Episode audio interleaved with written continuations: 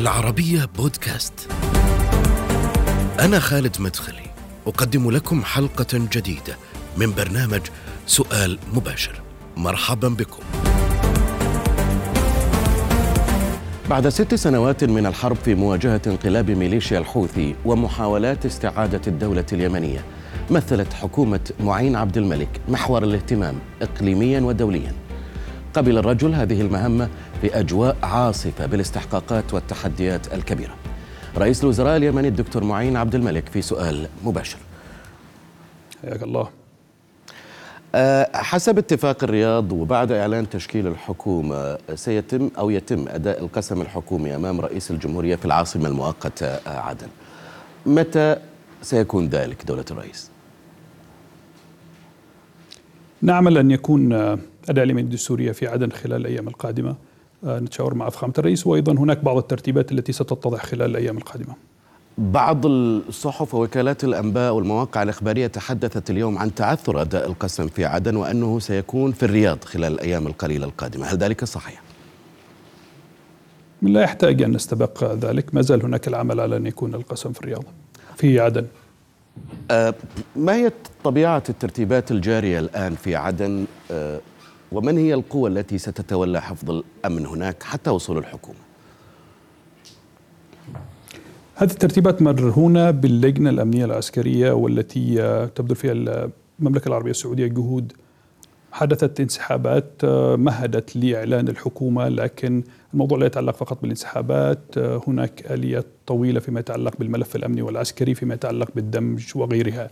لكن حاليا محافظ المحافظه والقوى الأمنية تجري بعض الاستعدادات وهناك بعض الترتيبات ستستكمل آه، بناء على النقاشات في اللجنة الأمنية العسكرية هل هناك قوى معينة ستقوم بحفظ الأمن هناك؟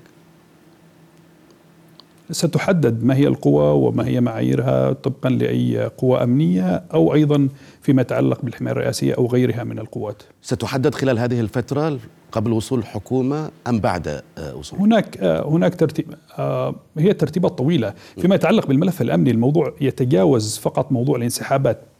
جوهر اتفاق الرياض يتحدث عن إنهاء الانقسامات يمكن على المستوى السياسي إعلان الحكومة لكن فيما يتعلق يتعلق بالقوى الأمنية والعسكرية هناك آه، دمج هذه القوى في إطار وزارة الداخلية. هناك الكثير من الملفات في هذا في هذا الجانب لكن ستأخذ وقت. وهناك جاري العمل على هذا الموضوع في اللجنة الأمنية العسكرية. كلام كثير قيل عن هذه الحكومة دولة الرئيس. آه، من ضمنها آه، مسألة أن هذه الحكومة هي حكومة محاصصة كما يرى البعض. كيف تقيم هذا الأمر؟ هل هي بالفعل كذلك؟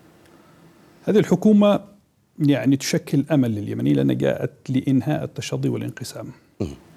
الهدف الرئيسي هو إنهاء الانقلاب واستعادة الدولة. الانقسامات التي حدثت كانت كبيرة منذ أغسطس الماضي والتي عطلت عمل الحكومة والدولة ومؤسسات الدولة بشكل عام. لذلك هذه الحكومة تشكل حكومة وحدة وطنية وليس فقط محاصصة. وجود كان الهدف الرئيسي بنقاشات عميقة للوصول إلى توافق سياسي حتى تشكل هذه الحكومة. والأساس في هذه الحكومة أن تكون حكومة وحدة وطنية تحمل حلول للشعب اليمني الذي الذي ينتظر بفارغ الصبر حلول تسهم في تحسين وضعه المعيشي في تحسين الأوضاع واستكمال مسار بنية المؤسسات وتحسين الوضع الاقتصادي وغيرها من المهام. ليس فقط محاصصة معناها تحتمل أن تكون بهذا التوصيف محاصصة. إذا كان الأمر كذلك يعني أليس في الأمر تناقض أن تكون محاصصة وفي نفس الوقت تسمى حكومة كفاءات؟ هذا واقع سياسي موجود في اليمن موجود من 2011 إلى الآن. دخلنا في حكومات كان فيها محاصصة سياسية هذا هذا جزء من الواقع السياسي اليمني إنهاء هذا التشظي بأن يكون الجميع على الطاولة هي في الأخير من شراكة لكل القوى السياسية على طاولة واحدة، كيف يمكن تحويلها إلى حكومة وحدة وطنية عبر برنامج واداء لتحديد وفقا للأولويات التي جرى النقاش عليها في بداية تشكيل حكومة. المخاض كان طويل حتى نصل إلى توافق سياسي لإعلان الحكومة، تحديد الأولويات، تحديد ما هي بحيث يجتمع الجميع على برنامج واحد. غير ذلك ستتحول إلى حكومة صراعات أو إلى وهنا علينا أن نفرق. المحاصصة ليست مساحة تقاسم نفوذ داخل الدولة أو داخل الحكومة أو داخل المؤسسات، هناك فرق، هناك هدف لليمنيين جميعا باستعادة مؤسسات الدولة وفاعليتها، لذلك ستكون مهمة صعبة لكن مهم أن تتحول هذه الشراكة أو آه، بحكومة كفاءات سياسية إلى حكومة وحدة وطنية. هل هناك تخوف من إنه يعني آه، تغلب الانتماءات الحزبية أو السياسية على آه، الانتماء إلى مؤسسات الدولة من هذه الحكومة؟ إذا حافظنا على مسار منذ البداية لأن الموضوع يتعلق بالبدايات مسار واضح فيه الأهداف ما هي المهام المنوطة بكل وزارة لأنه ليست ملكية خاصة في الأخير شراكة الجميع على طاولة واحدة مهم لمسار للمجلس الوزراء وأعلى هيئة تنفيذية في الدولة حكومة جاءت بعد توافق سياسي. أنا بالعكس أنظر إلى أن هذا الإنهاء هذا الانقسام هي المساحة التي ستعطي للحكومة قدرة على مقاربة ملفات كانت لا تقاربها في سابقا. يعني مساحة التحرك الآن مختلفة تماما. في كلام كثير أيضا دار حول مسألة تأخر تشكيل الحكومة ولا نطيل في هذا الموضوع لأنه المهم أن نتحدث عن مستقبلها.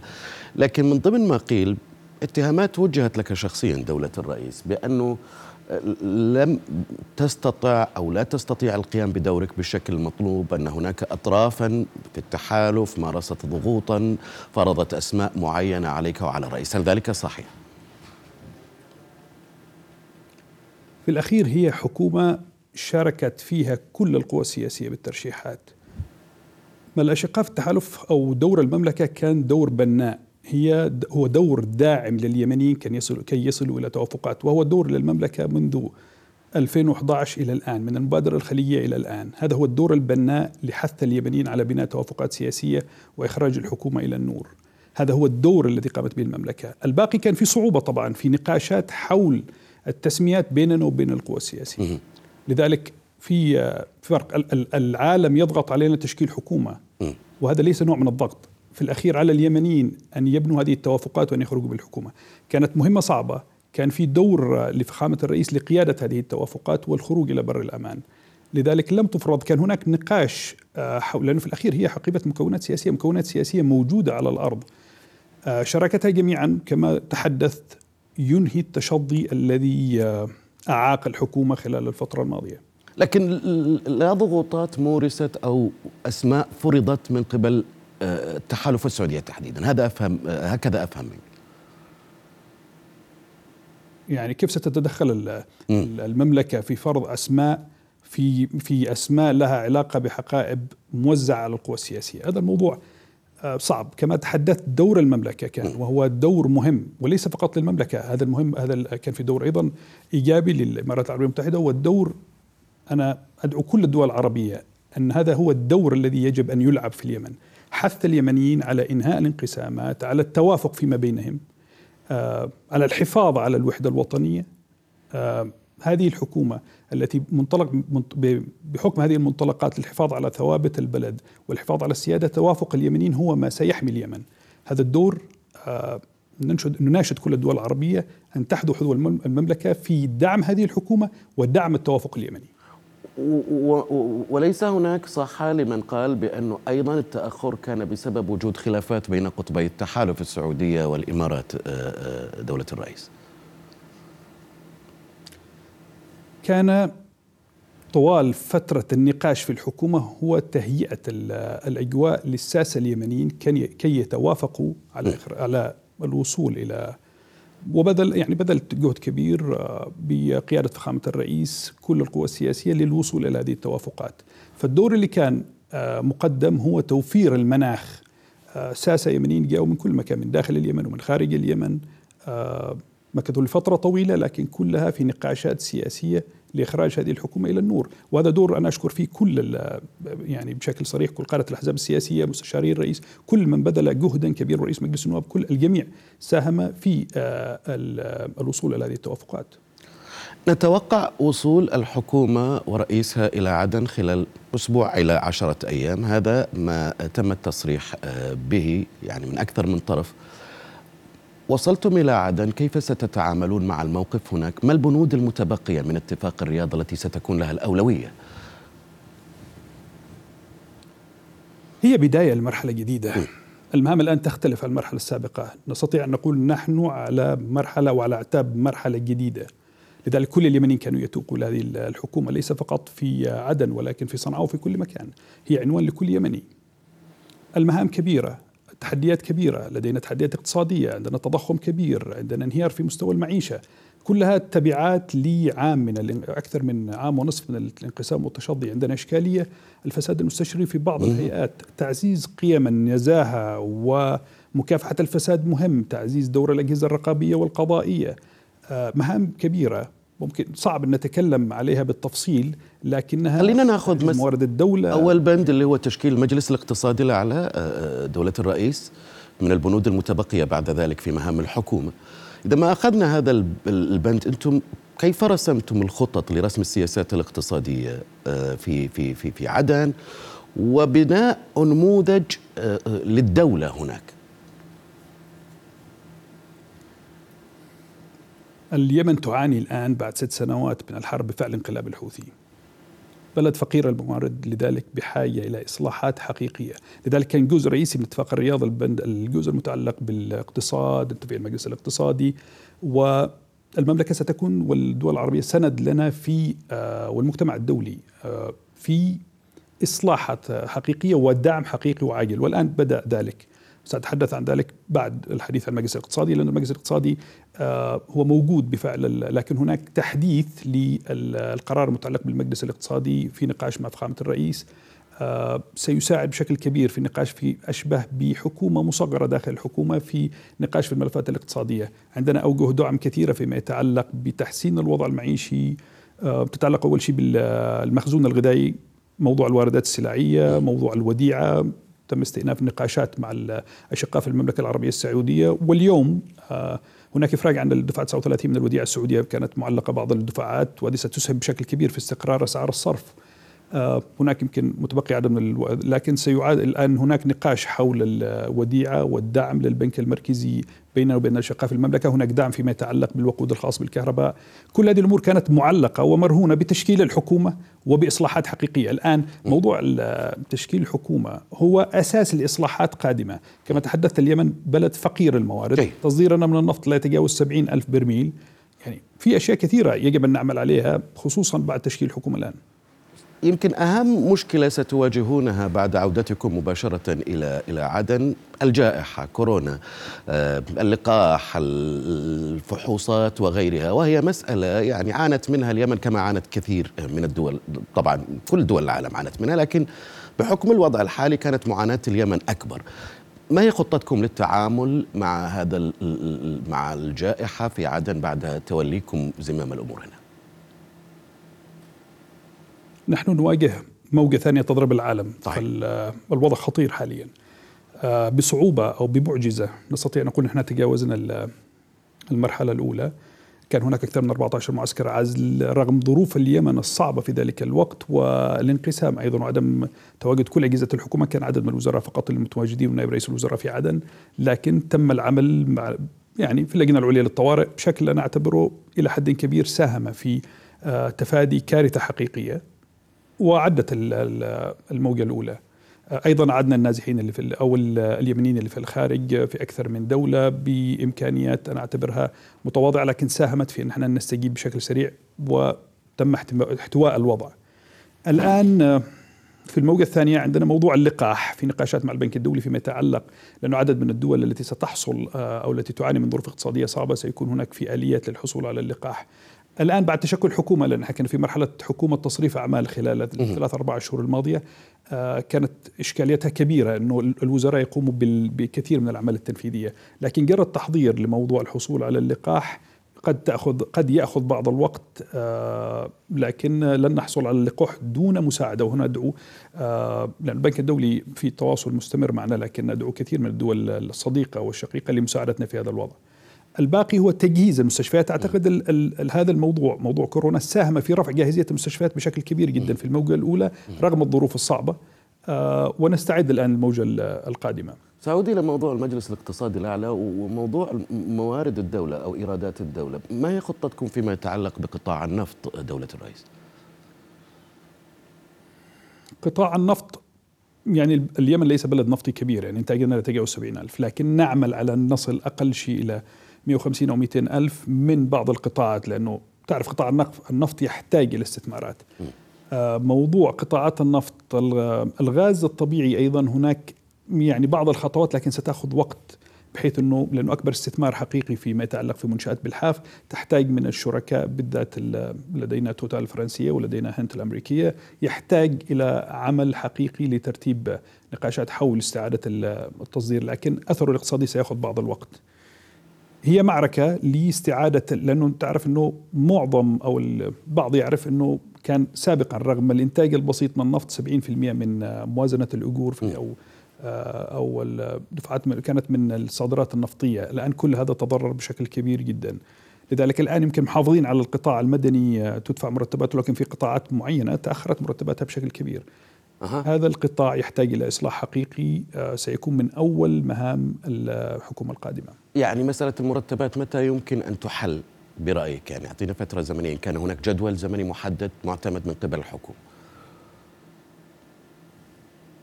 إحنا الآن لا نستطيع أن ننفق من الإصدار النقدي المكشوف بشكل كبير حتى لا يؤدي إلى تضخم مفرط. آه، لذلك المرتبات القطاع المدني القطاع العسكري بشكل أو بآخر وكان يعني يساعد في التحالف بشكل أو بآخر. لكن في إصلاحات في هذا الجانب بالذات فيما يتعلق بالقطاع الأمني والعسكري بحيث نستطيع أن يعني أو تنتظم المرتبات فيه بشكل كبير، الآن الإشكالية إنه هذه المرتبات بسبب التضخم وضعف القدرة الشرائية قلت بشكل كبير وهذا أهم ما يؤرق المواطن اليمني، موضوع سعر الصرف واللي يعني خضع لمضاربات كبيرة أدت إلى ارتفاعه بشكل غير مبرر، لا يوجد أي مبررات اقتصادية لهذا الارتفاع والذي انخفض بعد تشكيل الحكومة.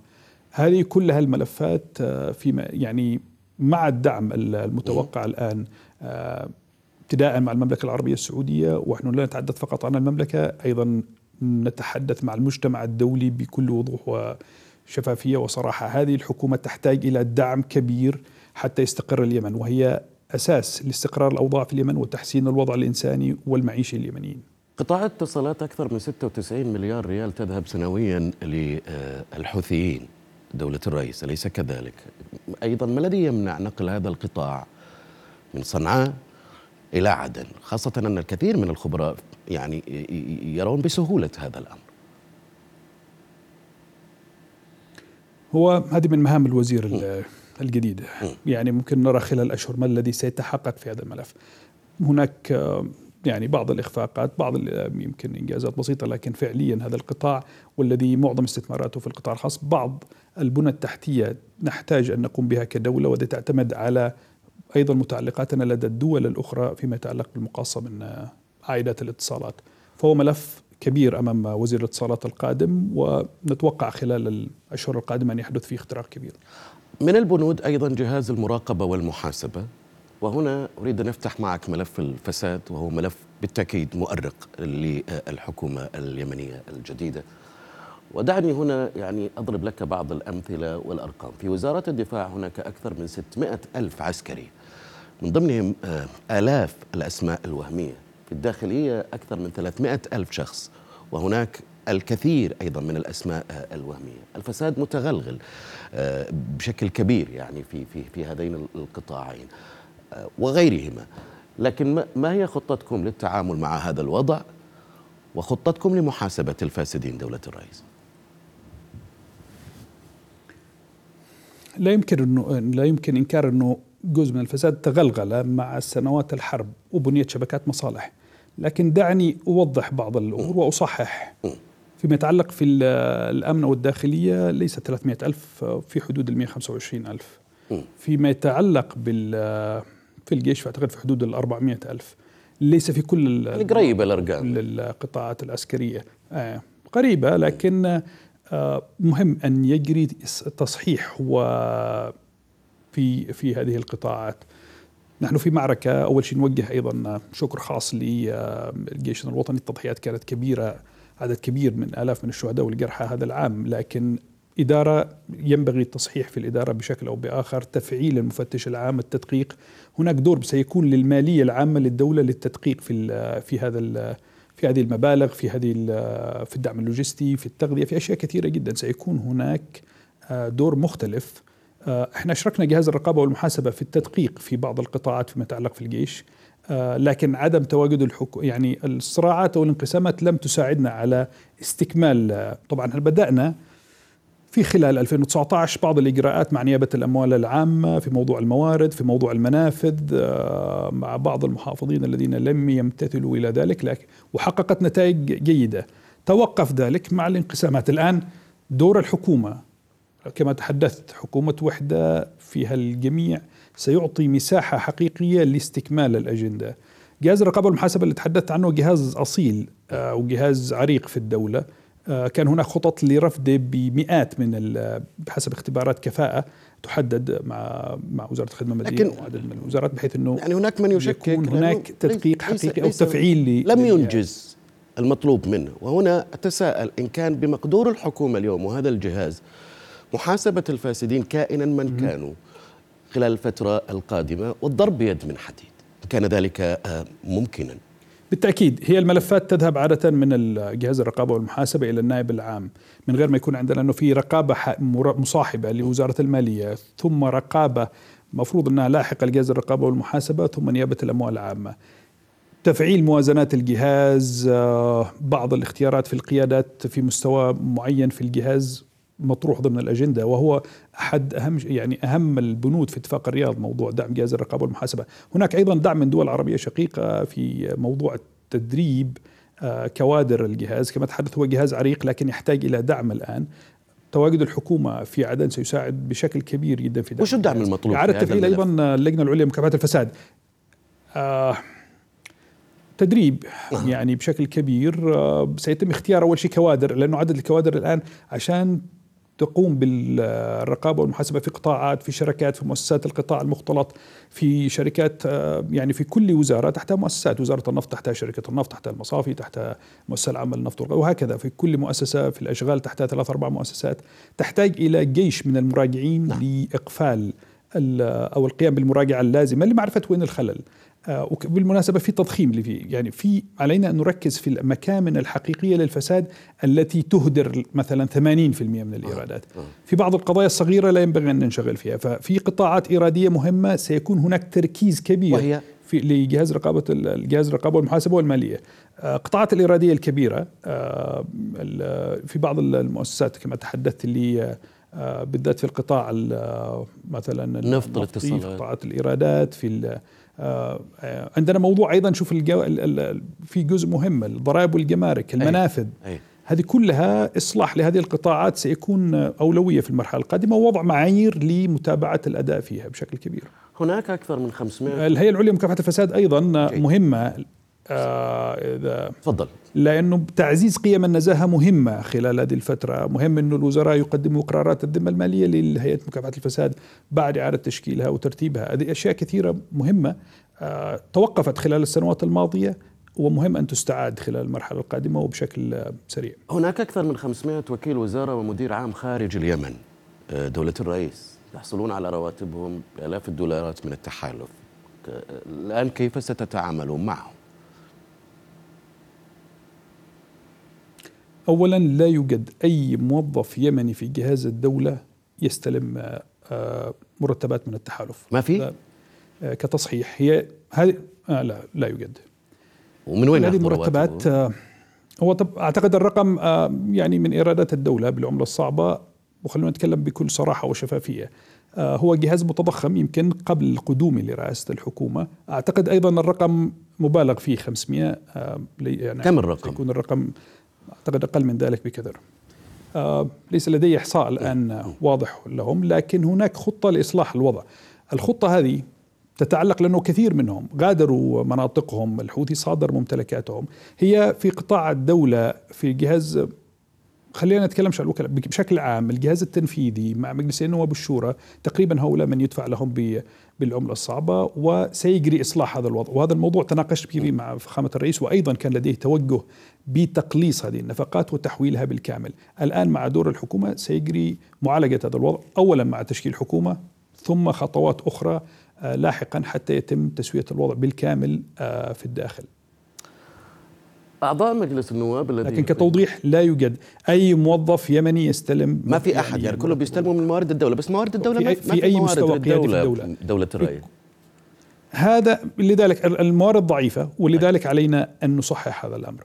آه لكن هذا الجهاز المتضخم ما لم يجري من ساعة توليه لرئاسة الحكومة لم يجري الإضافة على هذا الجهاز بشكل كبير لكن سيجري مراجعة كل هذه الأمور خلال المرحلة القادمة. أعضاء مجلس النواب الذين يقيمون في تركيا ويطالبون بعودة الحكومة إلى عدن كيف ستتعاملون معهم؟ هناك أيضا منهم ومن غيرهم شخصيات كانت مع الشرعية في بداية الأزمة في 2011 ثم بعد ذلك تغيروا في 2015 ومع الخلاف الخليجي أيضا آه، شاهدنا الكثير من الأصوات والأسماء آه، الذين تغيروا مواقفهم آه، بشكل كبير يعني.